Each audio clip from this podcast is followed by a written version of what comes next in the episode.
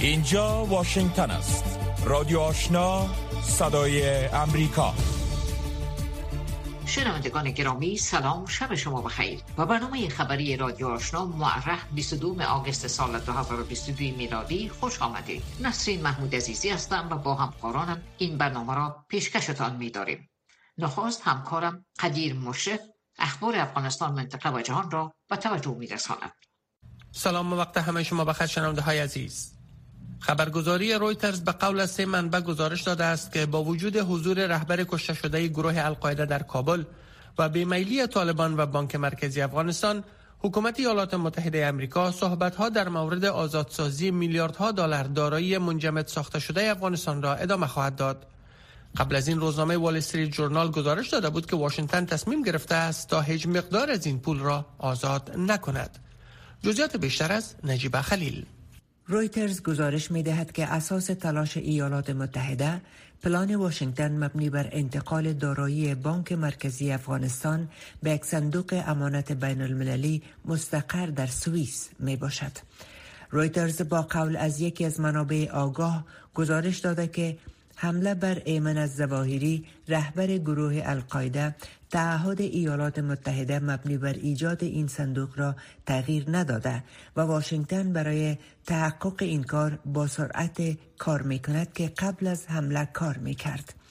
خبرگزاری رویترز ماه گذشته گزارش داده بود که ایالات متحده و طالبان پیشنهادات خود را در خصوص چگونگی آزادسازی این پول با دیگر شریک ساخته بودند و طالبان مخالف ایجاد صندوق امانت نبوده ولی این پیشنهاد را که جانب سوم کنترل آن را در دست داشته باشد رد کرده بودند. باختر آژانس خبری تحت کنترل حکومت طالبان امروز دوشنبه گزارش داده است که 14 نفر در اثر سرازیر شدن سیلاب ها در مرکز ولایت پکتیا جان باخته و 12 نفر دیگر مجروح شدند. ولسوال شورابک ولایت قندهار بر های محلی گفته است که در اثر تخریب بند آب در آن سوی خط دیورند قریه بدرزوی را در خاک افغانستان زیراب کرده که تلفاتی در پی نداشته اما به خاطر سطح بلند آب در منطقه رفتن به ساحه امکان پذیر نیست. در طول سه روز گذشته این سیلاب ها به ولایت لوگر، میدان وردک، نورستان، لغمان و ننگرهار بیشترین آسیب را رسانیده و تاکنون 20 در لوگر بر اثر آن جان باخته و سی تن دیگر مجروح شدند. در ولایت نورستان 18 تن دیگر جان باختند.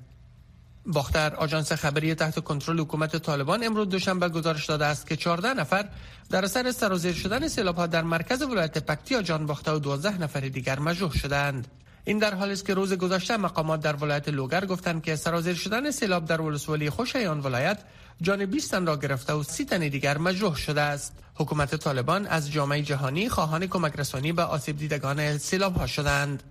قرار است پس از چاشت امروز دوشنبه به وقت واشنگتن اعضای شورای امنیت سازمان ملل متحد در خصوص تمدید یا عدم تمدید معافیت سفرهای خارجی برخی از مقامات طالبان تصمیم نهایی خیش را اعلام کنند. جزیات بیشتر از میرویس رحمانی. معافیت ممنوعیت سفر حدود 13 مقام طالبان در 20 ماه اگست پایان یافت. اما شورای امنیت ملل متحد تا اکنون در این مورد به کدام نتیجه نرسیده است این در حال است که مدافعان حقوق زن و شمار سازمان های مدافع حقوق بشر از شورای امنیت ملل متحد خواستند که با مافیت سفرهای خارجی برخی مقام های طالبان پایان داده شود در آستانه این تصمیم گیری وزارت خارجه حکومت طالبان از اعضای این شورا خواسته است که از وضع تذیرات به عنوان وسیله فشار کار نگیرند. زیا احمد تکل معاون سخنگوی این وزارت با فرستادن پیام به خبرنگاران مدعی شد که بر اساس توافقنامه دوها نام تمام اعضای این گروه باید از فهرست من سفر ملل متحد حذف شود. شورای امنیت ملل متحد ممنوعیت سفر شمار از مقام های طالبان را برای تسهیل مذاکره بین ایالات متحده و طالبان در دوها به طور موقت تمدید کرده بود. به دنبال تداوم محدودیت بر مکاتب دوره متوسطه و لیسه دختران در افغانستان کمشنری عالی سازمان ملل متحد در امور پناهندگان در قبال وضعیت کنونی زنان و دختران افغان ابراز نگرانی کرده است. کمشنری عالی ملل متحد در امور پناهندگان روز دوشنبه 22 اگست در تویترش نوشته است که زنان افغان با تهدیدهای بزرگ محدودیت مواجهند این اداره ملل متحد نگاشته است که علاوه بر محدودیت تردد، دسترسی به کار و تحصیل، زنان و دختران در افغانستان با خطرات شدید روبروند که به باور این اداره بر مسئولیت و رفاه آنها تاثیر می‌گذارد. کمیشنری عالی ملل متحد در امور پناهندگان تاکید کرده که برای سعادت آینده افغانستان باید حقوق زنان رعایت شود. طالبان در قبال این حصارات کمیشنری عالی ملل متحد در امور پناهندگان تا تهیه این خبر واکنش نشان نداده اما در گذشته بارها گفتند که از زمان حاکمیت آنان حقوق زنان در این کشور تامین شده است. این در حالی است که مارکوس پوتزل معاون نماینده ویژه سازمان ملل متحد برای افغانستان گفته است که بسیاری از مقامات حکومت طالبان طرفدار تحصیل دخترانند. آقای پوتزل در یک مصاحبه با سی سی تی وی گفته است که پس از ملاقات و گفتگو با مقامات این حکومت نشانه های امیدوار کننده از تغییرات در رویکرد مقامات طالبان در قبال مسائل حقوق زنان را مشاهده کرده است. این در حالی است که در یک سال اخیر نیز تاکنون هیچ مقام طالبان مخالفت واضح با تحصیل دختران در مکاتب دوره لیسه و متوسطه نشان ندادند اما تاکنون با ارائه دلایل متفاوت از باز شدن مکاتب برای دختران جلوگیری کردند صندوق وجهی سازمان ملل متحد برای اطفال یا یونسف می‌گوید که تنها در ماه گذشته میلادی حدود 50 هزار کودک مبتلا به سوی تغذیه شدید در افغانستان بستری شدند. میلانی گالوین مسئول بخش سوی تغذیه در دفتر یونسف در افغانستان از افزایش واقعات بیماری سوی تغذیه شدید در بخش های این کشور ابراز نگرانی کرده و گفته که ولایات جنوبی بیشترین کودکان مبتلا به این بیماری را دارند. خانم گالوین افزوده که 25 درصد کودکانی که در جریان ماه جولای در شفاخانه ها بسری شدند باشندگان ولایت هلمند و قندهار بودند. بر اساس معلومات صندوق وجهی ملل متحد برای کودکان از ماه اگست 2021 تا کنون 457 هزار کودک مبتلا به سوی تغذیه در سراسر این کشور درمان شدند. این در حالی است که اخیرا یونسف گفت که شمار کودکان مبتلا به سوی تغذیه در افغانستان به 90 درصد افزایش یافته است. ادامه خبرهای افغانستان منطقه و جهان را از رادیو آشنا شوید. ایران امروز دوشنبه ایالات متحده را به تاخیر در مذاکرات غیر مستقیم هسته‌ای متهم کرده گفت که تبادله یک زندانی با واشنگتن به مذاکرات ارتباط نداشته است. ناصر کنعانی سخنگوی وزارت خارجه ایران در یک کنفرانس خبری گفت که امریکایی ها تعلل به خرج داده و جانب اروپایی ها به تفاوتی صورت می‌گیرد. آقای کنعانی افزود که امریکایی ها و اروپایی ها به این توافق بیشتر از ایران نیاز دارند. سخنگوی وزارت خارجه ایران این را هم گفت که تهران خواهان یک توافق پایدار است که حقوق مشروع ایران را حفظ کند او تاکید کرد که تا زمان توافق روی تمام مسائل نمی توانند بگویند که به کدام توافق کامل دست یافتند در این حال ایالات متحده بکرات از ایران خواسته است تا چندین امریکایی ایرانی تبار را که به اتهامات امنیتی در ایران زندانیاند آزاد سازد در عوض ایران نیز خواهان آزادی ایرانی های محبوس در ایالات متحده شده است امران خان صدر پیشین پاکستان حکومت آن کشور را متهم به مسدود کردن موقت چینل یوتیوبش کرد. امران خان گفته است که حکومت کنونی پاکستان با این اقدام مانع شد تا مردم به سخنرانیش در یک گرد همایی سیاسی گوش دادن نتوانند. این اتهام پس از آن بیان شد که اداره دولتی نظارت بر رسانه ها در پاکستان ناوقت شنبه 20 مگست نشر زنده سخنرانی امران خان را زیر نام سخنان نفرت انگیز علیه ادارات دولتی آن کشور منع قرار داد. با وجود تماس خبرگزاری رویترز اداره مخابرات پاکستان که مقررات اینترنت را نیز تنظیم و وضع می کند تا حال در مورد اظهارات امران خان تبصره نکرده است ایالات متحده و کره جنوبی امروز دوشنبه 22 اگست تمرینات نظامی مشترک سالانهشان را آغاز کردند که قرار است اول سپتامبر امسال پایان یابد. این تمرینات نظامی مشترک در حال آغاز شده است که کره شمالی احتمالاً برای آزمایش سلاح اتمی خود آمادگی می‌گیرد. کره جنوبی و ایالات متحده پس از آن تمرینات نظامی تابستانی را آغاز کردند که یون سوکیول رئیس جمهور کره جنوبی پس از رسیدن به کرسی ریاست جمهوری کشورش در ماه می تعهد کرد تا مانورهای نظامی مشترک را عادی بسازد تا قدرت بازدارندگی سیول را در برابر پیونگیانگ تقویت بخشد این تمرینات نظامی مشترک با تغییر نام موسوم به سپر آزادی اولچی آغاز شده است شاروال شهر نیکوپل در اوکراین گفته است که گلوله‌باری های توپخانه روسی از آنسوی دریا از دستگاه عمده اتمی اوکراین چهار نفر را مجروح کرده است. گلوله‌باری امروز دوشنبه چند ساعت پس از آخرین درخواست های بین برای در امان ماندن منطقه از حملات برای جلوگیری از یک فاجعه هسته‌ای انجام شد. شهر نیکوپل در طول شب سه بار توسط راکت و گلوله های توپخانه هدف قرار گرفته است. مقامات روسی تا تهیه این خبر واکنش نشان ندادند. و آتش های بی سابقه در جنوب غرب چین بیش از 1500 نفر را از منازلشان بیجا کرده و بر اساس گزارش ها توزیع وقفه‌ای برق به کارخانه ها کم از کم تا روز پنجشنبه تمدید شده است. این در حالی است که هفته ها گرما و خشکسالی این منطقه را شدیداً صدمه زده است. دلیل تمدید توزیع وقفه برق در رسانه های چین کمبود آب در بند برق عنوان شده است. این اختلالات در کارهای اقتصادی به چالش های حزب کمونیست حاکم می افزاید حزبی که در تلاش است تا پیش از نشستی که انتظار می رود رئیس جمهور شی جنگ پنگ را برای سیومین دوره پنج ساله بار دیگر انتخاب کند رشد اقتصادی ضعیف چین را تقویت بخشد. پایان خبرهای افغانستان منطقه و جهان از رادیو آشنا صدای امریکا. هفت روز هفته با رادیو آشنا صدای امریکا. شنوندگان عزیز اخبار افغانستان منطقه و جهان را از رادیو آشنا شنیدید. آل هم توجه نمایید به گزارش هایی که برای شما برگزیدیم هنس یکوب شنبر کارشناس ارشد مبارزه با فساد و قاچاق مواد مخدر می‌گوید با برگشت طالبان به عرصه قدرت اواید فروش و قاچاق مواد مخدر در افغانستان افزایش یافته است شندر ادعا می کند که طالبان تولیدات متامورفین را الا 100 فیصد افزایش دادند و با فروشان از طریق مرزهای افغانستان به سایر کشورهای جهان اواید بلندی به دست می آورند.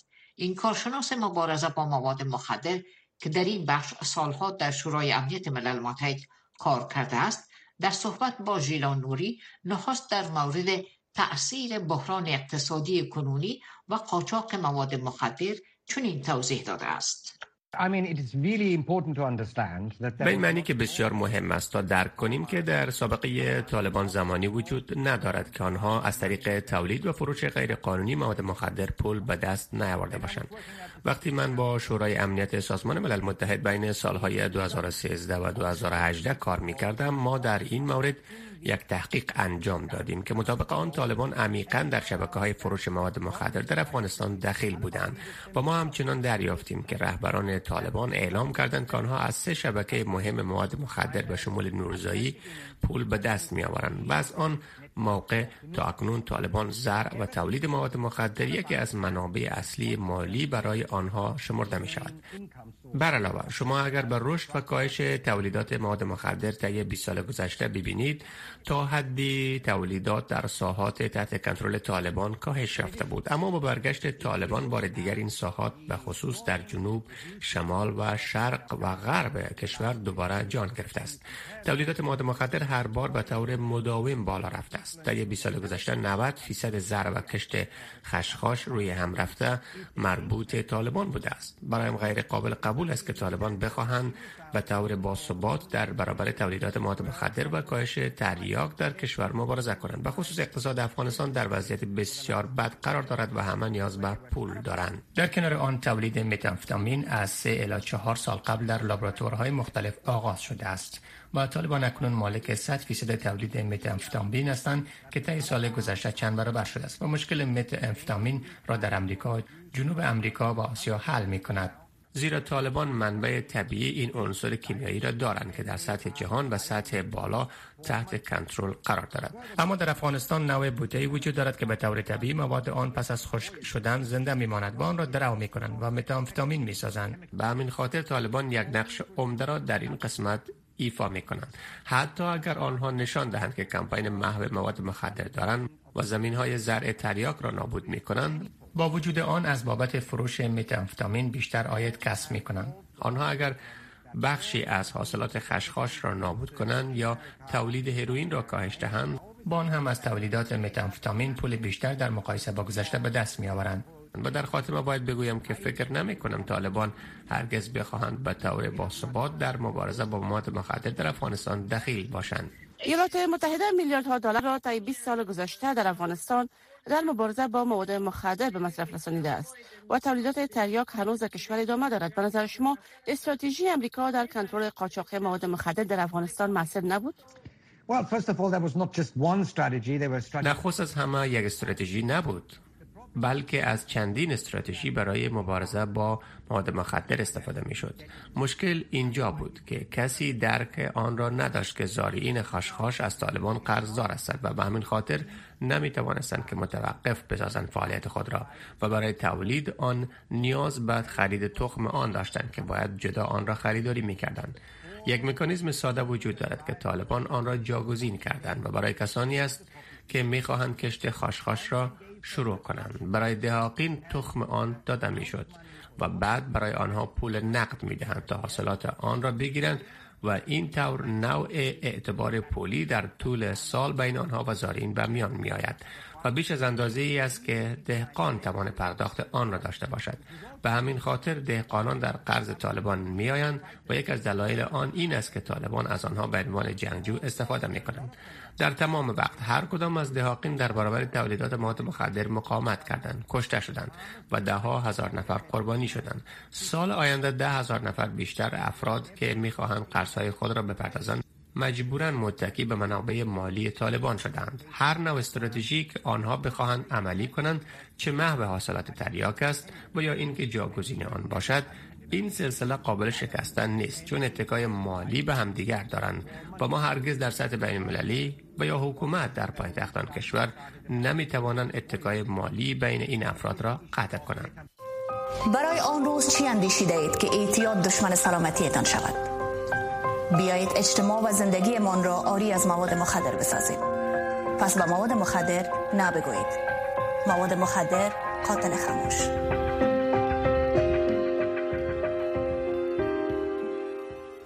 با تداوم بارندگی های شدید سیلاب های ویرانگر در 21 ولایت افغانستان این مناطق شاهد تلفات جانی و تخریب منازل و زمین های زراعتی در سه روز اخیر بوده است. مقامات اداره طالبان در لوگر می‌گوید در نتیجه جاری شدن سیلاب ها در ولسوالی خوشی آن ولایت علاوه بر تلفات جانی خسارات هنگفت مالی نیز به بار آمده است. من نسرین محمود عزیزی در مورد طرق جلوگیری از حداقل تلفات از اثر سیلابها مصاحبه با آقای آرش یقین تحلیلگر امور امنیتی انجام دادم که به توجه رسانیده می شود آقای یقین با توجه به عدم توانایی حکومت طالبان برای رسیدگی به مناطق سیلاب زده وقت سازمان های هواشناسی داخلی و خارجی بارندگی شدید و سیلاب ها را پیش بینی می کنند مردم در این صورت چی وظیفه دارند؟ دولت یک توانایی برای که پیام خود برسانه برای مردم نداشته و نداره. حداقل در 20 سال گذشته مثلا در دولت اسپق رادوهای محلی بودن که حالا مؤسسای خارجی یا های خارجی یا دولت می‌تونه تحت طریق از اینا پیام خود برسانه. با بازگشت طالبا به نوش ژورنالیست های منطقه یا مثلا رادیوهای منطقه تلویزیون های منطقه آمد این رفته نسبت به اقتصاد اینها که پیام حتی دولت به اینا نمی‌رسه. بخش دیگرش موجودیت انجوهای خارجی بود که در گذشته مثلا در افغانستان کار می‌کردن. یا پیش از اینکه تلاپیای می‌تونستن پیام خود برسانن. یا حداقل بعد از اینکه حادثه رخ بداد می‌تونستن برسن. متاسفانه در اون جهت هم ما فعلا در افغانستان مؤسسای اینا زیاده نیستن که بتانن امداد بکنن. در مجموعه بحث امنیت وقتی که شما ببینیم تنها امنیت مثلا جنگ و فیزیکی و اینا نیست بلکه مثلا تغییرات اقلیم در, در منطقه و خصوص در منطقه آسیا میانه و آسیا در مجموعه.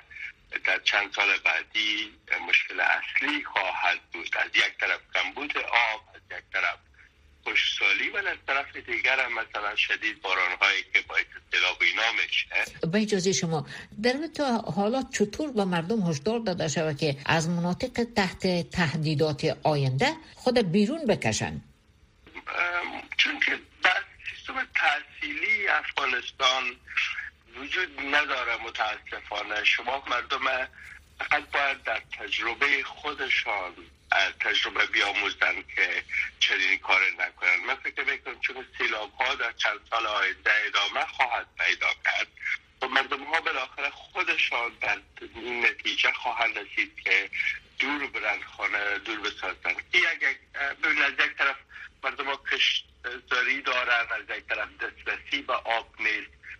کوشش می‌کنن همیشه نزدیک آب بیاین. ولی طرف دیگر به این حادثات باعث خواهد شد که ما در دراز مدت مردم دور خواهند رفت. و خب دولت توانایی داره. مثلا توانایی از داره که بخصوصا طالبان که از خشم و وحشت استفاده می‌کنن می‌تونن بالاخره از طریق ملاهای منطقه از طریق وکیلای منطقه برای مردم بگوین که نزدیک آب درست نکنن ولی مشکلی است که بعضی زمینشون در همون جهت. این, این تاریخی مردم ها علاقه داشتن که در پلوی رودخانه ها باشن به دلتی که دسترسی داشته باشن. به دولت باید مثلا زمینی برشان جاگوزین بده او را هم نداره متاسفانه اولیت دولت هم نیست.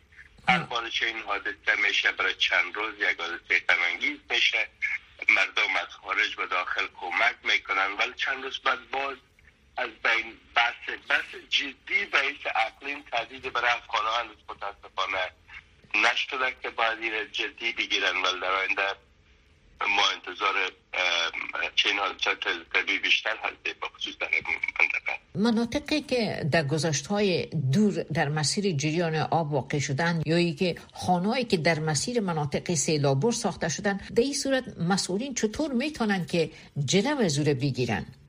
از که ملکت شخصی باشه و کس درست کرده باشه بسیار مشکل از را باید گفتم مردم خودشان باید تغییر فکر کنن و از اینجا از مسیر نزدیک دور شوند. ولی از طرف دیگر دولت می‌تونه چیز جاگوزین بر, بر, مردم بده همیشه باید جاگوزین برای مردم یک زمین دیگر جای بده بتونن مردم کوچ کنند. خب او توانایی رو فعلا طالبان ندارن که بتونن از نگاه اقتصادی کمک کنن که من فکر می‌کنم پس برمیگرده به خود مردم که چون دولت توانایی نداره دولت نیست مؤسسه خارجی نیستن. خود مردم ها بعد از چنین حادثات ما فکر می‌کنم به تجربه می‌رسن که دوری کنن. ولی از طرف دیگر باید پیام ها از طریق رادوها از طریق منبرها بالاخره باید مکاتب به مردم رسیده شه. برای که مشکل تعدید در در منطقه آسیا و در افغانستان اینا در سالهای آینده زیاد است که ریساش های در پژوهش های درباره شده ولی بیشتر باید شده و باید, باید مشکل جدی بشه که مثلا دولت باید یک وظیفه خود ببینه که جلوگیری کنه. تشکر از صحبتتان. صدای امریکا رادیو آشنا 100.5 اف ام.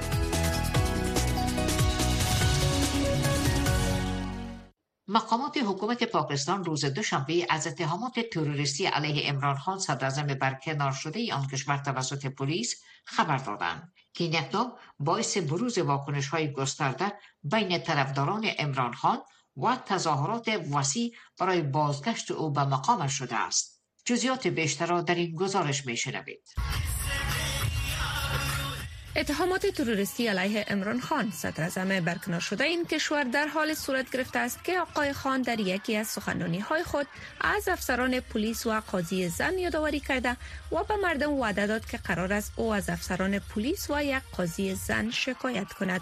و ادعا کرد که یک تن از دستیاران نزدیک او پس از بازداشت توسط پلیس مورد شکنجه قرار گرفته است. به نظر می رسید که خود آقای خان تا هنوز آزاد است و به اتهام تروریستی پلیس که برایش تسلیم داده شده بود پاسخ نداده است.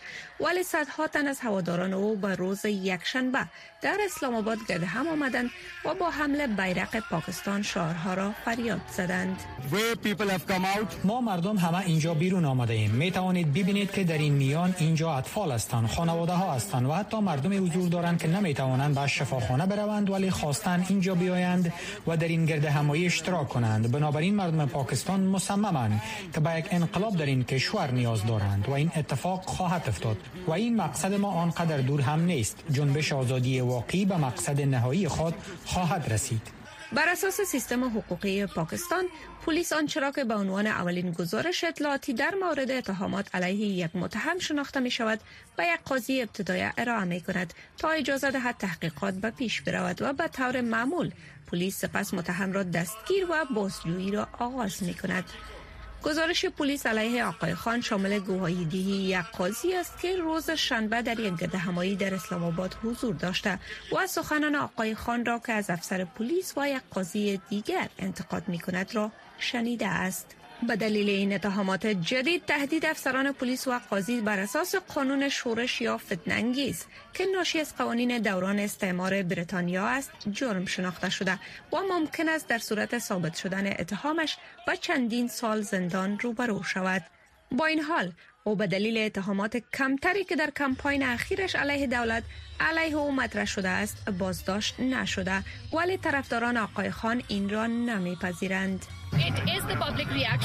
این واکنش عمومی است که هیچ نظام هیچ سازمان هیچ پلیس هیچ نیروی شبه نظامی و هیچ کس نمی‌تواند علیه مردم یک کشور استاده شوند ما قدرت نیروهای نظامی خود هستیم ما قدرت سازمان های مجری قانون همچنان هستیم دولت نمی‌تواند در مقابل 20 میلیون نفر بیستد این در حال است که رهبران اپوزیسیون پاکستان روز دوشنبه هشدار دادند که اگر حکومت پاکستان عمران خان را به دلیل اظهار نظرهایی که در مورد قوای قضاییه ارائه کرد تحت عنوان اقدام ضد تروریستی دستگیر کنند از خط قرمز خود عبور کردند. از زمانی که آقای خان در ماه اپریل با رای عدم اعتماد از سمتش برکنار شد. تظاهرات گسترده ای را در سراسر کشور برگزار کرده. و به نهادهای دولتی از جمله اردوی پاکستان هشدار داد که از دولت ائتلافی به رهبری رقیب سیاسی دیرینش شهباز شریف حمایت نکنند. تلویزیون آشنا دریچه شما به سوی جهان. نه تنها در صفحه تلویزیون بلکه در صفحه اختصاصی فیسبوک تلویزیون آشنا. در وبسایت دری با آدرس voanews.com دری. در یوتیوب با آدرس voa افغانستان دری. و در صفحه اینترنتی تویتر. تلویزیون آشنا در هر زمان و هر مکان پیوند دهنده شما با جهان. شکست نخست لیز چینی نماینده جمهوری خواه و منتقد دانالد ترامپ رئیس جمهور قبلی امریکا نماینده های جمهوری خواه و دموکرات را بران داشته است تا در مورد اقدام بعدی و گفتگو کنند. گزارش مایکل کوین خبرنگار صدا امریکا را از فوز احسان میشنوید. تاثیرات انتخابات ریاست جمهوری ایالات متحده در سال 2020 هنوز هم پایان نیافته است. لیز چینی نماینده جمهوری خواه و یکی از منتقدین دونالد ترامپ که در رقابت های اولیه برای راهیابی به کانگرس ایالات متحده امریکا در وایمنگ شکست خورد گفت یک نهاد سیاسی را به خاطر توقف دونالد ترامپ تشکیل می دهد. لیز چینی این نهاد سیاسی را رد کنندگان انتخابات خوانده است. We have no chance at winning elections if we are in a position where ما هیچ شانسی نخواهیم داشت که اگر در همان موقف قرار داشته باشیم که حزب ما اصول را رها کرد.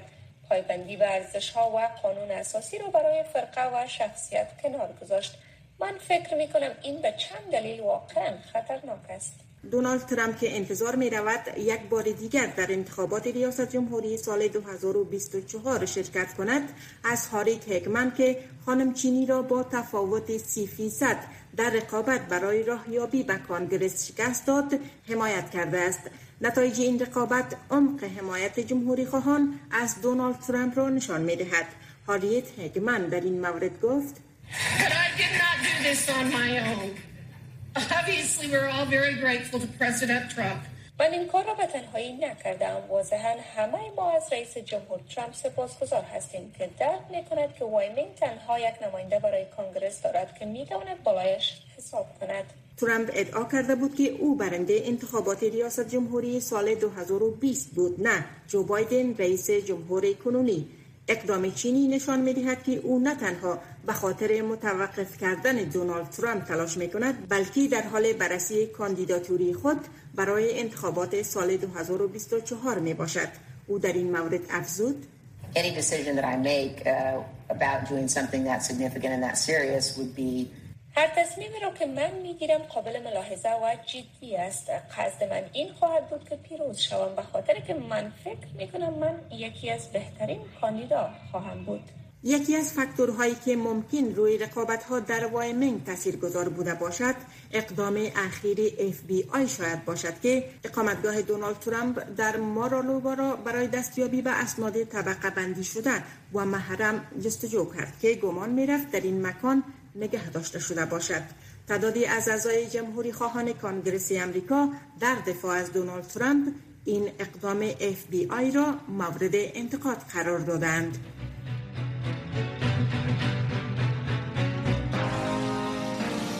شنوندگان گرامی این بود داشته های این برنامه خبری که در همین جا به پایین رسید. اما نشرات دری و پشتوی رادیو آشنا همچنان ادامه دارد. با ما باشید.